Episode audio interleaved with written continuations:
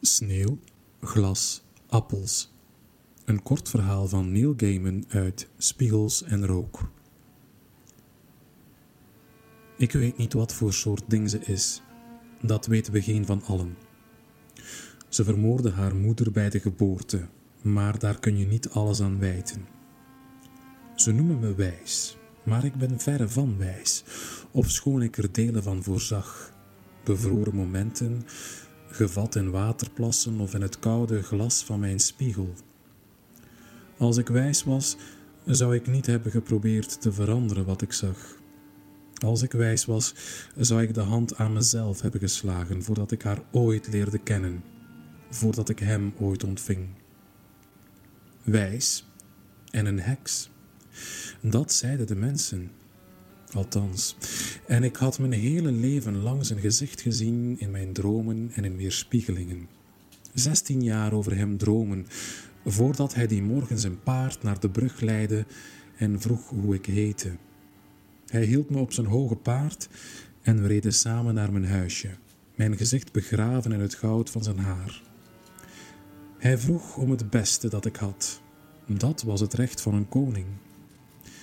In het ochtendlicht was zijn baard rood brons en ik herkende hem, niet als een koning, want ik wist in die tijd niets van koningen, maar als mijn geliefde.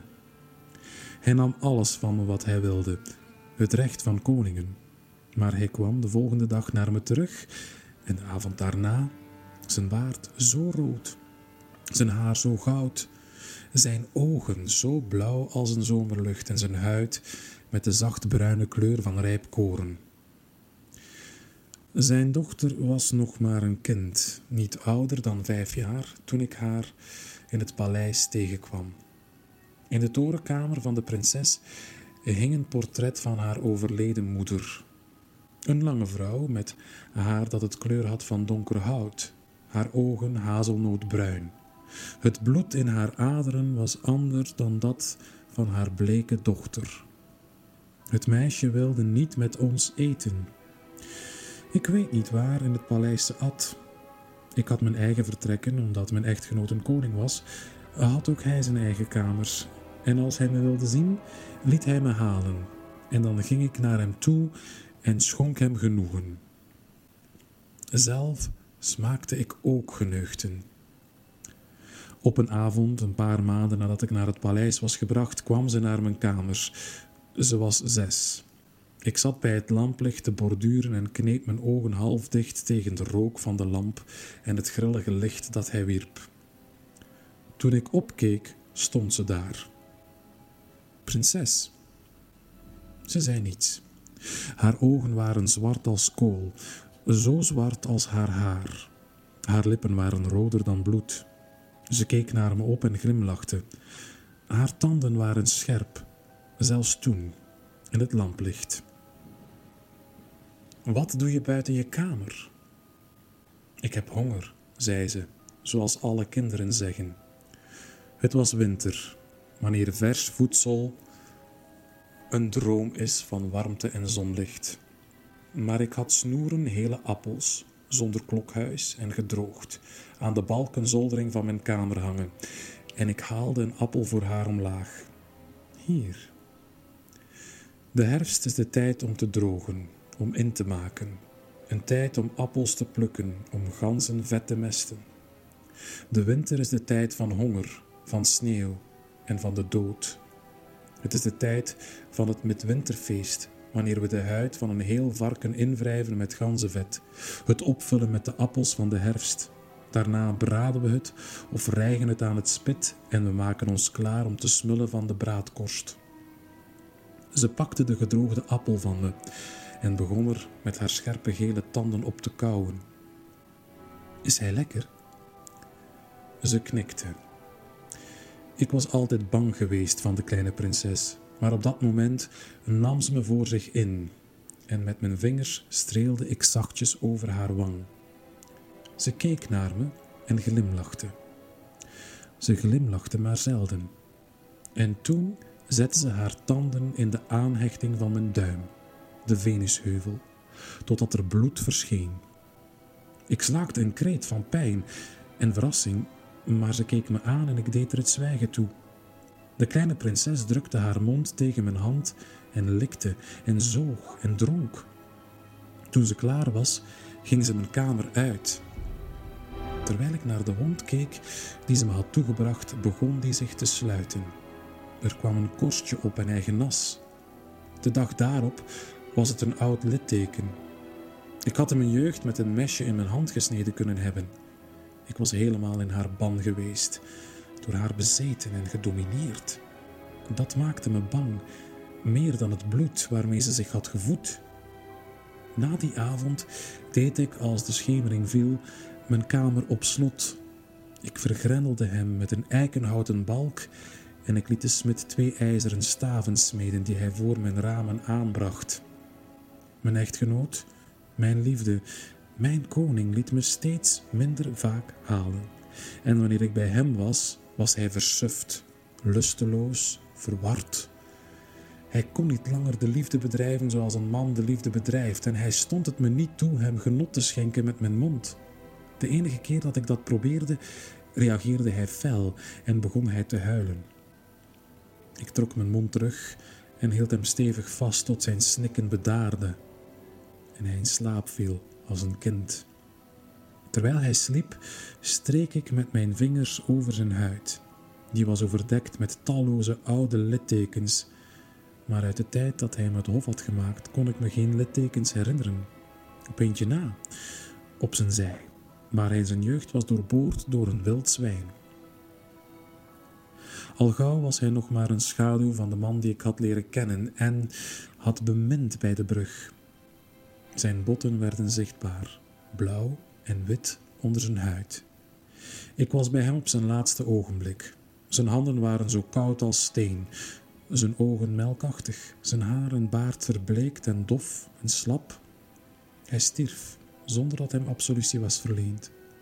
Zijn huid van onder tot boven gepokt en gemazeld met kleine oude littekens. Hij woog bijna niets. De grond was hard bevroren en we konden geen graf voor hem graven, dus maakten we een grafheuvel van rotsen en stenen die we opstapelden boven zijn lichaam. Slechts bij wijze van gedenkteken, want er was weinig overgebleven wat bescherming behoefde tegen de honger van de wilde beesten en de vogels. Ik was nu koningin. En ik was dwaas en jong. Achttien zomers waren gekomen en gegaan sinds ik voor het eerst het levenslicht had aanschouwd. En ik deed niet wat ik nu zou doen. Als ik nu moest beslissen, zou ik haar het hart hebben uitgerukt, zonder meer. Dan liet ik haar hoofd en armen en benen afhakken. Ik had ze haar laten vullen. En dan zou ik op het stadsplein gaan kijken hoe de beul het vuur opstookte tot witte, ziedende vlammen, onbewogen toekijken wanneer hij haar in stukken sneed en stukje voor stukje aan het vuur zou toevertrouwen. Ik zou schutters om het plein heen zetten, die elke vogel of elk dier dat dicht bij de vlammen kwam neer zou schieten. Elke raaf, hond, havik of rat. En ik zou mijn ogen niet sluiten voordat de prinses in as was veranderd en een briesje het zou verspreiden als sneeuw. Ik heb dat allemaal niet gedaan. En we moeten boeten voor onze fouten. Ze zeggen dat ik bedrogen was, dat het niet haar hart was, dat het het hart van een dier was, een, hertenbok misschien of een wild zwijn. Dat zeggen ze, maar ze hebben ongelijk. En sommigen zeggen, maar dat is haar leugen, niet de mijne, dat ik het hart had gekregen en dat ik het opat Leugens en halve waarheden vallen neer als sneeuw en overdekken de dingen die ik me herinner, de dingen die ik heb gezien. Een landschap, onherkenbaar na een sneeuwbui. Dat is wat ze van mijn leven heeft gemaakt. Er zaten littekens op mijn geliefde, op de bovenbenen van haar vader en op zijn balzak en op zijn lid toen hij stierf. Ik ging niet met hen mee. Ze grepen haar overdag toen ze sliep en op haar kwetsbaarst was. Ze namen haar mee diep het woud in. En daar openden ze haar blouse, sneden haar hart uit en lieten haar voor dood achter in een greppel, zodat het bos haar kon verzwelgen. Het woud is een donkere plek, de grens van vele koninkrijken. Niemand zou zo dwaas zijn om het uit te roepen tot zijn gebied. In het bos wonen vogelvrijen, in het bos wonen rovers en ook wolven. Je kunt een dag of tien door het bos rijden en geen mens of dier tegenkomen. Maar de hele tijd word je wel bespied. Ze brachten haar hart. Ik weet dat het het hare was. Het hart van een zeug of een wijfjeshert zou nooit blijven kloppen nadat het was uitgesneden, zoals dit hart wel deed. Ik nam het mee naar mijn kamer. Ik at het niet op. Ik hing het aan de zolderbalken boven mijn bed, aan een stuk getwijnd touw waar ik lijsterbessen aan reeg, oranje-rood als de borst van een rood borstje en bollen knoflook. Buiten viel de sneeuw en bedekte de voetsporen van mijn jagers, bedekte haar kleine lichaam op zijn plekje in het woud. Ik liet de smid de ijzeren tralies voor mijn ramen weghalen en op de korte winterdagen bracht ik elke middag een poosje in mijn kamer door, uitkijkend over de velden totdat de duisternis viel. Zoals ik al heb verteld, waren er mensen in het bos. Ze kwamen tevoorschijn, sommigen, voor de lentemarkt. Een hebberig, woest gevaarlijk volkje. Sommigen waren in hun groei belemmerd. Dwergen en lilliputters en gebochelden. Anderen hadden de enorme tanden en lege blik van idioten. Weer anderen hadden vingers als zwemvliezen of krabbenscharen. Elk jaar kropen ze het bos uit voor de lentemarkt. Die werd gehouden als de sneeuw gesmolten was. Als jong meisje had ik meegewerkt aan de markt en het had me toen angst ingeboezemd, het woudvolk. Ik voorspelde de marktbezoekers de toekomst, terwijl ik in een plas stilstaand water tuurde. En later, toen ik ouder was, in een schijf gepolijst glas, waarvan de achterkant helemaal verzilverd was. Een geschenk van een koopman wiens afgedwaalde paard ik had gezien in een plas inkt. De standhouders op de markt waren bang voor het woudvolk. Ze spijkerden hun koopwaar vast aan de kale planken van hun stalletjes, sneden gemberbrood of leren riemen werden met grote ijzeren spijkers aan het hout genageld. Als hun waren niet vastzaten, zeiden ze, zou het woudvolk ze meenemen en wegrennen, kauwend op het gestolen gemberbrood en om zich heen slaand met de riemen. Maar het woudvolk had wel geld. Hier een munt, daar een munt, soms groen uitgeslagen door ouderdom of door de aarde, met een afbeelding erop die zelfs de oudste onder ons niet herkenden. Ze hadden ook spullen om te verhandelen, en zo bleef de markt in stand, ten dienste van de vogelvrijen en de dwergen, ten dienste van de rovers, hoewel die behoedzaam te werk gingen. Die uit waren op de zeldzame reizigers vanuit landen achter het woud, of op zigeuners of op herten. De jaren verstreken, langzaam, en mijn volk verklaarde dat ik hen met wijsheid regeerde. Het hart hing nog steeds boven mijn bed en klopte s'nachts zachtjes. Als er al iemand was die rouwde om het kind, zag ik daar geen tekenen van. Ze was iets om bang van te zijn destijds, en ze dachten dat ze nu mooi van haar af waren. Lentemarkt volgde op lentemarkt. Het waren er vijf, elke markt droeviger, armzaliger en minderwaardiger dan de vorige. Er kwamen minder leden van het woudvolk het bos uit om iets te kopen. Degenen die wel kwamen leken ingehouden en lusteloos. De standhouders spijkerden hun koopwaar niet meer vast aan de planken van hun stalletjes, en tegen het vijfde jaar kwam nog maar een handjevol woudmensen het bos uit. Een angstig groepje harige mannetjes en verder niemand. De heer van de markt en zijn page kwamen na afloop van de markt naar me toe. Voordat ik koningin was, kende ik hem al. Ik kom niet naar u toe omdat u mijn koningin bent, zei hij. Ik zei niets. Ik luisterde. Ik kom naar u toe omdat u wijs bent, vervolgde hij. Toen u jong was, vond u een afgedwaald veulen door in een plas inkt te staren. Toen u een jonge vrouw was, vond u een vermist kind dat was weggedwaald bij haar moeder door in de spiegel van u te staren. U kent geheimen en u kunt dingen uitvinden die verborgen zijn. Mijn koningin, vroeg hij, wat is er met het woudvolk aan de hand? Volgend jaar zal er geen lentemarkt meer zijn. De reizigers uit andere koninkrijken zijn schaars geworden en het woudvolk is bijna verdwenen. Nog zo'n jaar als dit en we zullen allemaal omkomen van de honger.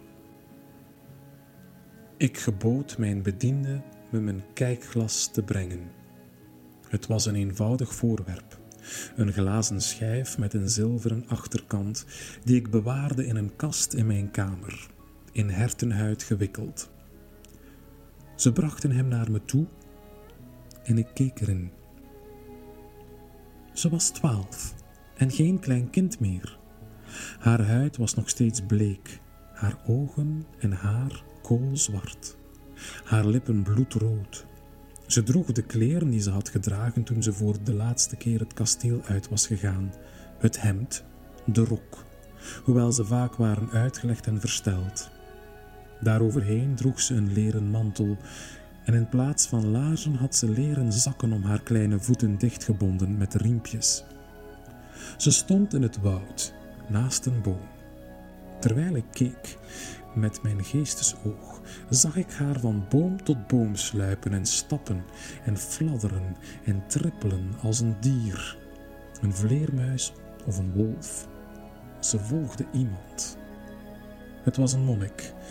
Hij was gehuld in jute en zijn voeten waren bloot en korstig en hard. Zijn baard en tonsuur waren vrij lang, verwilderd, niet onderhouden. Ze begluurde hem van achter de bomen. Ten slotte hield hij halt voor de nacht en begon een vuur te maken. Hij legde twijgjes neer, haalde het nestje van een roodborstje uit elkaar als aanmaakhout. Hij had een tondeldoos in zijn gewaad en sloeg de vuursteen tegen het staal totdat de vonken bij het tondel kwamen en het vuur ontbrandde. In het nestje dat hij had gevonden lagen twee eieren en die at hij rauw op. Ze kunnen de maag van zo'n grote man niet echt gevuld hebben. Hij ging daar zitten in het licht van het vuur en zij kwam uit haar schuilplaats tevoorschijn. Ze hurkte neer aan de andere kant van het vuur en keek hem aan. Hij grijnsde, alsof het een hele tijd geleden was dat hij een ander menselijk wezen had gezien, en wenkte haar naar zich toe. Ze stond op en liep om het vuur heen en wachtte, op een armlengte afstand. Hij tastte in zijn gewaad tot hij een munt vond, een klein koperen stuk, en wierp die haar toe. Ze ving hem op en knikte en kwam naderbij. Hij trok aan een touw om zijn middel en zijn gewaad viel open. Zijn lichaam was zo behaard als dat van een beer. Ze duwde hem achterover op het mos. Eén hand kroop als een spin door de warge haardos, tot hij zich sloot om zijn mannelijkheid. De andere hand trok een cirkel om zijn linkertepel. Hij sloot zijn ogen en wriemelde, een grote hand onder haar rok. Ze bracht haar mond omlaag naar de tepel waarmee ze had gespeeld. Haar gladde witte huid op dat donzige bruine lijf van hem. Ze zette haar tanden diep in zijn borst. Zijn ogen gingen open, toen sloten ze zich weer en zij dronk. Ze ging schrijlings op hem zitten en voedde zich. Terwijl ze dat deed, begon er een dunne, zwartige vloeistof tussen haar benen uit te sijpelen. Weet u wat de reizigers buiten onze stad houdt? Wat er gebeurt met het woudvolk? vroeg de heer van de markt. Ik bedekte mijn spiegel met hertenhuid en vertelde hem dat ik er persoonlijk voor zou zorgen dat het woud weer veilig werd. Ik kon niet anders, ook al joeg ze me angst aan. Ik was de koningin. Een dwaze vrouw zou naar het bos zijn gegaan en hebben geprobeerd het wezen te vangen, maar ik was al een keer dwaas geweest en voelde geen enkele aandrang om het nog een keer te zijn. Ik boog me over oude boeken ik boog me over de zigeunervrouwen, die via ons land liever door de bergen naar het zuiden gingen dan het woud doorkruisten naar het noorden en westen. Ik bereidde me voor en verkreeg de dingen die ik nodig zou hebben, en toen de eerste sneeuw begon te vallen, was ik gereed. Naakt was ik en alleen in de hoogste toren van het paleis, een plek waar je in contact stond met de hemel. De winden verkilden mijn lichaam, kippenvel kroop over mijn armen, dijen en borsten. Ik had een zilveren schaal bij me en een mand waarin ik een zilveren mes had gelegd, een zilveren pin, een tang, een grijs gewaad en drie groene appels. Ik pakte ze en stond daar, zonder kleren, op de toren, nederig ten overstaan van de nachtelijke hemel en de wind. Als een man me daar had zien staan, zou hij me nauwkeurig hebben opgenomen, Maar er was niemand die me kon bespioneren. Wolken dreven voorbij langs de lucht en ontrokken de afnemende maan aan het zicht. Ik pakte het zilveren mes en sneed in mijn linkerarm. Eenmaal, tweemaal, driemaal. Bloed druppelde in de schaal, scharlakenrood dat zwart leek in het maanlicht. Ik voegde er het poeder aan toe uit de viool die om mijn hals ging. Het was bruine stof, gemaakt van gedroogde kruiden en de huid van een bepaalde pad en van zekere andere dingen. Het maakte het bloed dikker en zorgde dat het niet stolde. Ik pakte de drie appels, één voor één, en prikte voorzichtig met mijn zilveren pin in de schil. Toen legde ik de appels in de zilveren schaal en liet ze daar liggen, terwijl de eerste kleine sneeuwvlokjes van het jaar langzaam op mijn huid neerdaalden. En op de appels en op het bloed. Toen de dageraad begon te gloren, hulde ik hem in de grijze mantel en pakte ik de rode appels uit de zilveren schaal, één voor één, waarna ik ze met zilveren tang in mijn mand deed, oplettend dat ik ze niet aanraakte. In de schaal was niets meer over van mijn bloed of van het bruine poeder, niets dan een zwart bezinksel als verdigris aan de binnenkant. Ik begroef de schaal in de aarde.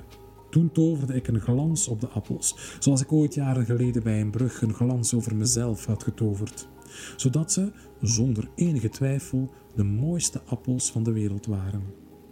En de rode blos op hun schil kreeg de warme kleur van vers bloed.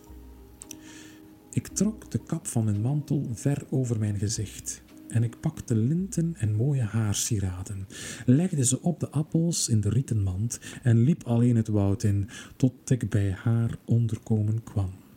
Een hoge zandstenen klip, doorboord door diepe grotten die ver in de rotswand staken.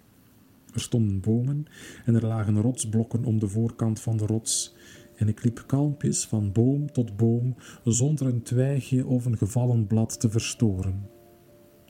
Ten slotte vond ik een plekje om het te verstoppen en ik wachtte en ik keek toe. Na een paar uur kwam er een groepje dwergen uit het gat in de voorkant van de rots gekropen. Lelijke, misvormde, harige mannetjes, de oude bewoners van deze streek. Je zag ze tegenwoordig nog maar zelden. Ze verdwenen het woud in en geen van hen had me opgemerkt, of schoon er een bleef stilstaan om tegen de rots te pissen waarachter ik me schuilhield. Ik wachtte. Er kwam niets meer naar buiten. Ik ging naar de ingang van de grot en riep naar binnen met een krakerig oud stemmetje. Het litteken op mijn Venusheuvel bonsde en klopte toen ze op me afkwam vanuit het duister, naakt en alleen. Ze was dertien jaar oud, mijn stiefdochter, en niets haalde het bij de volmaakte witheid van haar huid, behalve dan het loodgrijze litteken op haar linkerborst, waar lang geleden haar hart was uitgesneden. De binnenkant van haar dijen was bedekt met vochtig zwart vuil. Ze tuurde naar me. Ik ging immer schuil in mijn mantel. Ze keek me hongerig aan. Linten, mevrouwtje, raspte ik. Mooie linten voor in je haar. Ze glimlachte en wenkte me. Een ruk, het litteken op mijn hand, trok me naar haar toe. Ik deed wat ik van plan was geweest, maar ik deed het bereidwilliger dan ik had voorzien.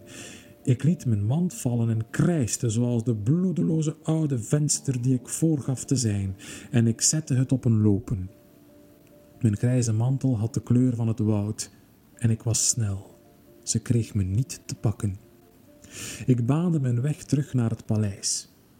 Ik heb het niet gezien. Maar laten we ons voorstellen dat het meisje terugging, gefrustreerd en hongerig, naar haar grot en dat ze mijn mand vond die op de grond was gevallen. Wat zou ze doen?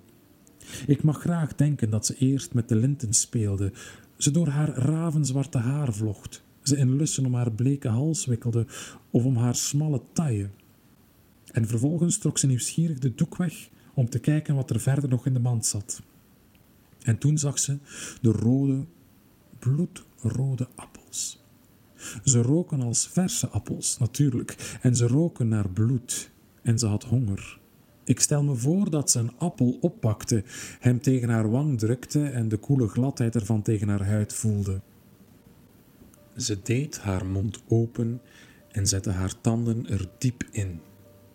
Tegen de tijd dat ik bij mijn vertrekken was aangekomen, was het hart dat aan de zoldering hing, bij de appels en de hammen en de gedroogde worsten, opgehouden met kloppen. Het hing daar stil, zonder beweging of leven, en ik voelde me weer veilig.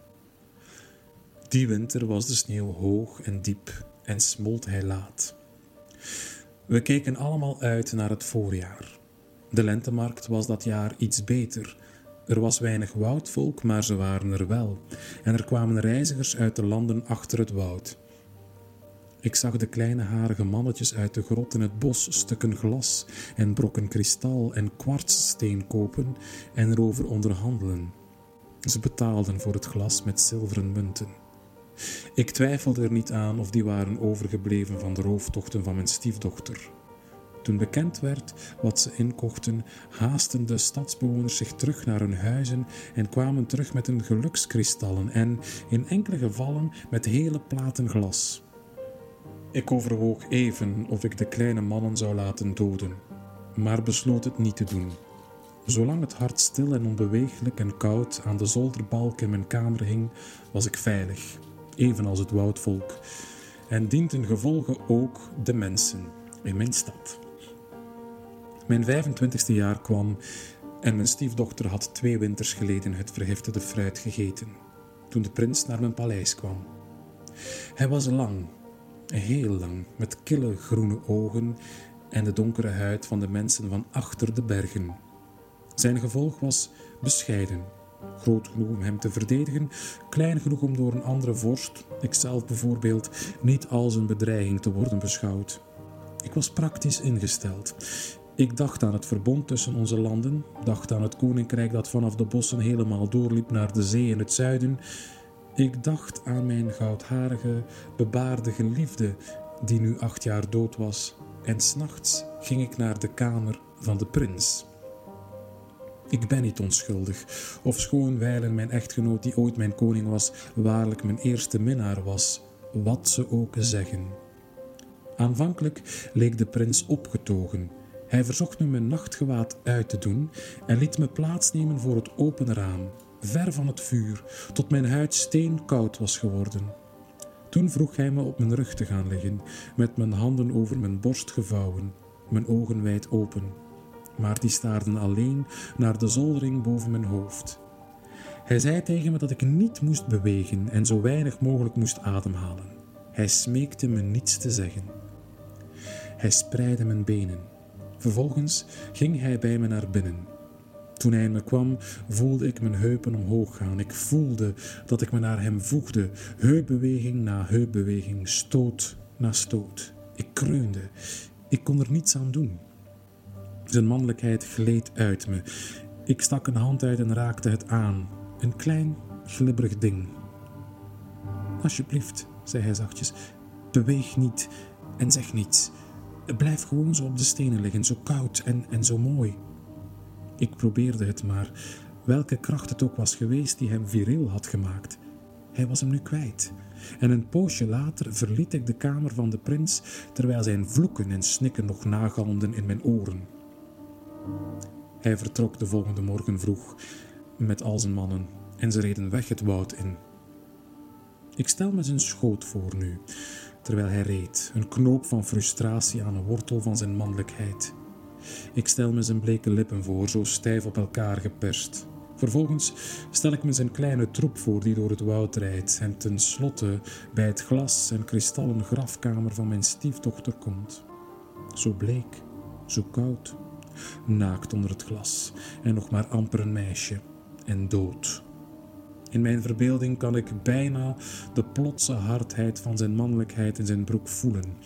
Mij de lust voor ogen halen die op dat moment over hem kwam. De gebeden die hij binnensmonds mompelde om te danken voor dit geluk.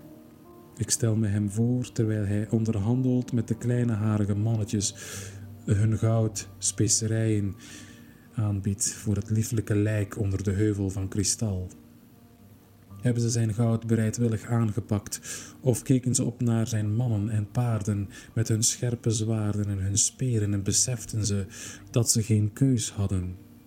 Ik weet het niet. Ik was er niet bij. Ik was niet in mijn kristallen bol aan het kijken. Ik kan me er alleen maar een voorstelling van maken. Handen die de brokken glas en kwarts van haar koude lichaam tilden. Handen die voorzichtig haar koude wang strelen, die haar koude arm bewegen, die blij zijn dat het lichaam nog steeds vers en plooibaar is.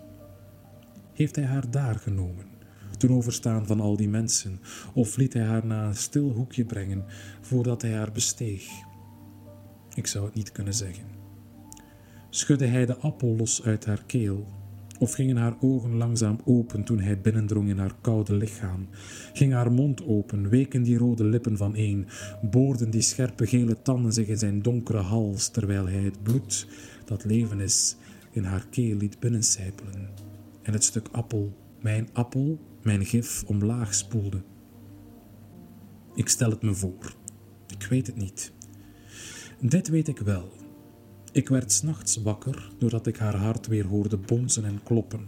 Zilt bloed druppelde van bovenaf neer op mijn gezicht. Ik ging rechtop zitten. Mijn hand brandde en klopte alsof ik de wortel van mijn duim tegen een rots geslagen had. Er werd op de deur gehamerd. Ik was bang, maar ik ben een koningin en ik toon geen angst. Ik deed de deur open. Eerst kwamen zijn mannen mijn kamer in en gingen om me heen staan met hun scherpe zwaarden en hun lange speren. Toen kwam hij binnen en hij spuugde me in het gezicht. Ten slotte liep zij mijn kamer in, zoals ze had gedaan toen ik net koningin was en zij een kind van zes. Ze was niet veranderd, niet echt. Ze trok aan het touw waar haar hart aan hing. Ze plukte er de lijsterbessen af, één voor één trok de knoflookbol los die ingedroogd was na al die jaren. Toen pakte ze haar eigen pompende hart. Een klein ding, niet groter dan dat van een geit of een berin. En het stroomde over en pompte zijn bloed in haar hand. Haar vingernagels moeten zo scherp als glas zijn geweest. Ze opende haar borst ermee. Ze haalde ze over het paarse litteken. Haar borst gaapte plotseling open en zonder bloed. Ze likte aan haar hart eenmaal, toen het bloed over haar handen stroomde en duwde het hart diep haar borst in. Ik zag het haar doen. Ik zag haar borst zich weer sluiten. Ik zag haar paarse litteken vervagen. Haar prins keek even bezorgd, maar desondanks sloeg hij zijn arm om haar heen en zo bleven ze staan, zij aan zij, en ze wachten. En zij bleef koud, en de bloem des doods bleef op haar lippen en zijn hartstocht werd op geen enkele manier minder. Ze vertelde me dat ze wilde gaan trouwen en dat de koninkrijken daadwerkelijk verenigd zouden worden. Ze vertelde me dat ik bij hen zou zijn op hun huwelijksdag. Het begint hier warm te worden. Ze hebben de mensen slechte dingen over mij verteld. Een beetje waarheid om de schotel op smaak te brengen, maar vermengd met een heleboel leugens. Ik werd vastgebonden en opgeborgen in een kleine stenen cel onder het paleis en daar bleef ik de hele herfst lang. Vandaag hebben ze me uit de cel gehaald. Ze trokken de vodden van me af en wasten het vuil weg. En toen schoren ze mijn hoofd en mijn schoot en wreven mijn huid in met ganzenvet. Het sneeuwde toen ze me door de massa's droegen. Twee man aan elke hand, twee man aan elk been helemaal open en bloot, gevierendeeld en koud, en me naar deze oven brachten. Mijn stiefdochter stond daar met haar prins. Ze keek naar me in mijn onwaardigheid, maar ze zei niets. Toen ze me naar binnen duwden, juichend en grappend en grollend, zag ik een sneeuwvlok neerdalen op haar witte wang, die daar bleef liggen zonder te smelten.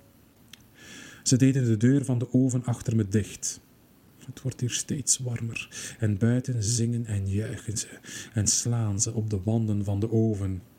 Ze lachten niet. Ze maakten geen grappen en ze zei niets.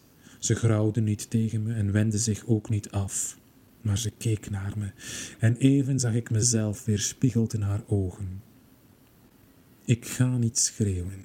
Die voldoening gun ik hun niet. Ze mogen mijn lichaam hebben, maar mijn ziel en mijn verhaal zijn van mij en zullen met mij sterven. Het ganzenvet begint te smelten en te glinsteren op mijn huid. Ik zal geen enkel geluid maken. Ik zal er niet verder over nadenken. In plaats daarvan zal ik denken aan de sneeuwvlok op haar wang. Ik denk aan haar, aan haar haar zo zwart als kool, haar lippen roder dan bloed en haar huid sneeuwwit.